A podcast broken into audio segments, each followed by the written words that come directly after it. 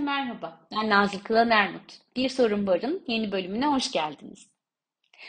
Biliyorsunuz her bölümün bir sorusu var. Bu bölümün sorusu üzerinde düşünürken e, biraz kitabın Pollyanna Mutlu Muydu'dan ilham almak geldi içimden. Sayfaları karıştırırken can sıkıntısıyla ilgili yazdığım bölüm çıktı karşıma. Yazarken de ilginç gelmişti. Hem can sıkıntısı ve mutsuzluk arasındaki ilişkiyi birazcık dile getirmiştim. Hem de bugün için belki yıl sonu gelmişken, hazır yaklaşmışken enteresan bir soru yaratabilirim buradan diye düşündüm. Ve bu bölümün sorusunu can sıkıntısı yaratıcılığın kapısını aralayabilir mi olarak belirledim. Sanıyorum can sıkıntısı hepimizin tanıdık olduğu bir şey, bir his belki de. Ee, çocukken çok dile, dile getirdiğimiz canım sıkılıyor, canım sıkılıyor, canım sıkıldı.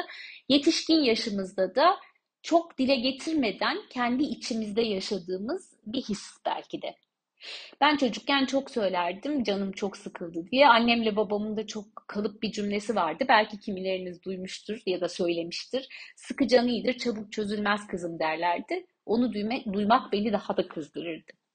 Kitabımda buna bir bölüm ayırayım diye düşündüğüm zaman biraz araştırma yaptım can sıkıntısıyla ilgili ve karşıma e, İngiliz psikolog Sandiman tarafından yazılmış bir kitap çıktı. Birazcık detaylı inceleyip araştırdığımda henüz Türkçe'ye çevrilmemiş bir kitap e, Sandiman'ın kitabı. İngilizce adıyla söyleyeyim.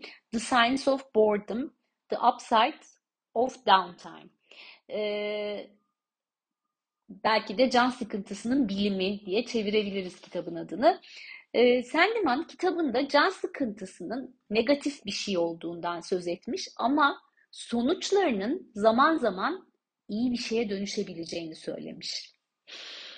Ee, nasıl iyi bir şeye dönüşebiliyor? Birazcık bahsedeyim isterseniz. İş yaşamında da özel yaşamda da can sıkıntısıyla karşılaşıyoruz yetişkin bireyler olarak. Can sıkıntısını yapacak bir şey bulamamak gibi algılayabiliyoruz zaman zaman. Oysa ki tarifi şöyle yapıyor bu konuda çalışan insanlar. Aslında beynimizin uyaran arayıp bulamadığında hissettiği şeydir can sıkıntısı diyorlar. Yani can sıkıntısı yapacak bir şey olmamasının sonucu değil de aslında yapılacak şeylerden hiçbirinin kişiye cazip gelmemesi sonucunda ortaya çıkan bir şeydir diye tarif ediliyor. Bunun sonucunda da kişi atıl kalıyor çünkü yapılacak şeylerin hiçbirisi cazip gelmiyor veya yapmakta olduğu şey ona o anda cazip gelmiyor. Arkasından da kişi kendini kötü hissediyor hatta mutsuz olduğunu düşünüyor. Yani aslında beyin aradığını bulamamış oluyor. Sonrasında bir uyuşukluk hissi olabiliyor. Bir işte atıl kalmaya dönüşebiliyor vesaire. Fakat biz bunu kendi halinde bıraktığımızda e, sonucu olumlu bir yönde ilerleyebiliyor. Nasıl bir şey oluyor? Beyin aslında kendine bir uyaran aramaya devam ettiği sırada can sıkıntısının sonrasında biraz daha derin düşünmeye dalabiliyor. Biraz hayal kurmaya geçiş yapabiliyor. Biraz düşüncelere dalmışken eskilere dönüyor, yenilere dönüyor, içerideki bağlantıları bir yokluyor ve aslında yepyeni fikirlerle, yepyeni çözümlerle, yepyeni e, buluşlarla geri dönebiliyor o can sıkıntısı durumunda. Yani yaratıcılık ve içgörü aslında can sıkıntısı sayesinde bir şekilde tetikleniyor ve belki de daha önce çözmekte zorlanılan bir problem yeni bir çözüm yolu buluyor. Veya hiç akla gelmemiş bir anda bir fikir sayesinde o fikir bir şeye ilham oluyor ve yeni bir şey çıkıyor ortaya. Yani o negatif dediğimiz can sıkıntısı yeniliklere alan açabiliyor. Bu önemli bir bilgi çünkü e, can sıkıntısını negatif olarak kodlayıp o şekilde de bıraktığımız zaman can sıkıntısından faydalanmak mümkün olmuyor. Halbuki can sıkıntısının belki e, olmasına izin vermek, e, canımız sıkıldığında gerekli ya da gereksiz oyalayıcılar aramaya başlamamak, yani işte çok sıkıldım yaptığım işten bırakayım biraz elime telefon alayım sosyal medyada gezeyim demek yerine aslında beynimizin kendi içinde birazcık dolaşmasına izin vermek yaratıcılığı tetiklemek gibi bir potansiyele sahip. Ee, burada iki tane önemli şeye dikkat etmemiz gerektiğine inanıyorum ben. Bir tanesi e, can sıkıntısından, can sıkıntısının hareketsizlik ve ataleti de yanına alıp hayatımızın bir parçası ve yani bir alışkanlığı olmasına izin vermemek.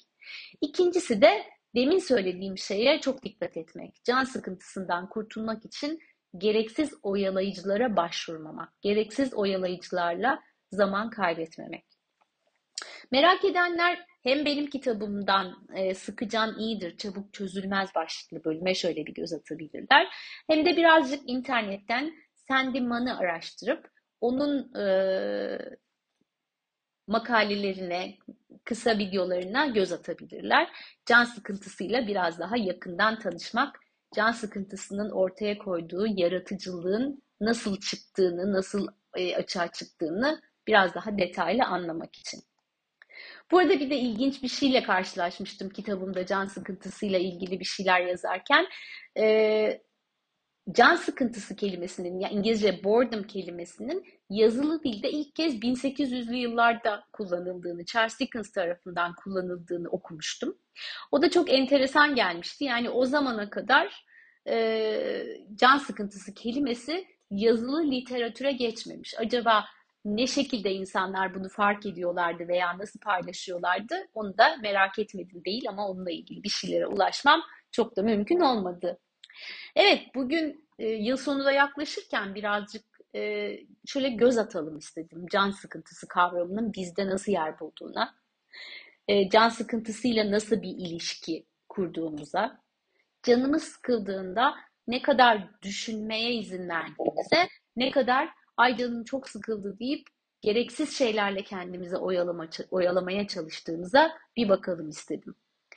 Ve hazır bilim bize birazcık e, can sıkıntısının aslında bir amacı olduğunu, bir amaca hizmet edebildiğini söylemişken, can sıkıntısı sayesinde e, biraz daha yaratıcı, biraz daha çözüm bulucu, biraz daha içimizdeki içgörüleri ortaya çıkarıcı olma ihtimalimiz olduğundan söz etmişken, birazcık can sıkıntısına izin verelim istedim.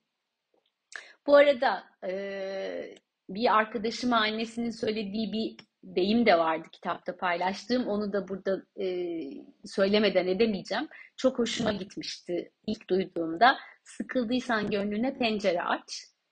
E, belki de aslında sıkıldıysak gönlümüzü açtığımız pencerenin karşılığı burada konuştuğumuz deminden beri o yaratıcılık, içgörü ve beraberinde gelen ilhamın karşılığı da olabilir. Belki bizim deyimimizde Sandman'ın araştırmalarına sonuç araştırmalarının sonucu olanı bize o bir cümleyle ifade ediyordur. Kim bilir. Bunu da paylaşmadan edemeyeceğim. Evet, bu bölümde can sıkıntısı kavramını şöyle bir önümüze koyup bakalım istedim. Onun için soruyu da can sıkıntısı yaratıcılığın kapılarını aralayabilir mi, kapısını ar- aralayabilir mi olarak belirledim. Ee, bilim bizi ar- aralayabildiğini söylüyor. Kendi deneyimlerimize bakmakta da fayda var. Acaba biz neler yaşadık canımız sıkıldığı zaman? Şunu da iyi hatırlıyorum. Ben çocukken canım çok sıkıldığı zaman yepyeni oyunlar uydurur e, ve onlarla da çok eğlenirdim. Ee, bir tane küçük ipucu olabilir belki. Hepimizin eminim vardır o can sıkıntısının zamanlarının sonunda elimize ulaşan bir şeyler. Ee, birazcık onlara da bakalım istedim. Ee, gelecek program e, yılın son programı olacak. 2022'nin son programı olacak. Bir parça yılı değerlendirmeye, önümüzdeki yılı planlamaya yönelik konuşuruz diye düşünüyorum. Bölüm sorusunu henüz bulmadım ama içerik birazcık öyle olsun diye bir niyetim var. Ee, o güne kadar belki sizler de biraz üzerinde düşünürsünüz. Geçtiğimiz yıl yani tamamlamak üzere olduğumuz yıl neler oldu? Ee, neler yolunda gitti? Neler daha farklı olsa iyi olurdu? Ve önümüzdeki yıla dair hayallerimiz neler? Gerçekten çok önemli. Hayallerimizi ortaya koyduğumuzda onlara giden yolu ve onların hedeflerini belirlemek çok daha kolay oluyor. Ee, o yüzden birazcık siz de şimdiden o e, yeni yıla ve yıl tamamlamaya dair düşüncelere odaklanabilirsiniz diye düşünüyorum. Evet bu programın sonuna geldik. Ee, hepinize beni dinlediğiniz için teşekkür ediyorum. Bir sonraki programda buluşuncaya kadar herkese sağlıklı, mutlu ve keyifli günler diliyorum. Hoşçakalın.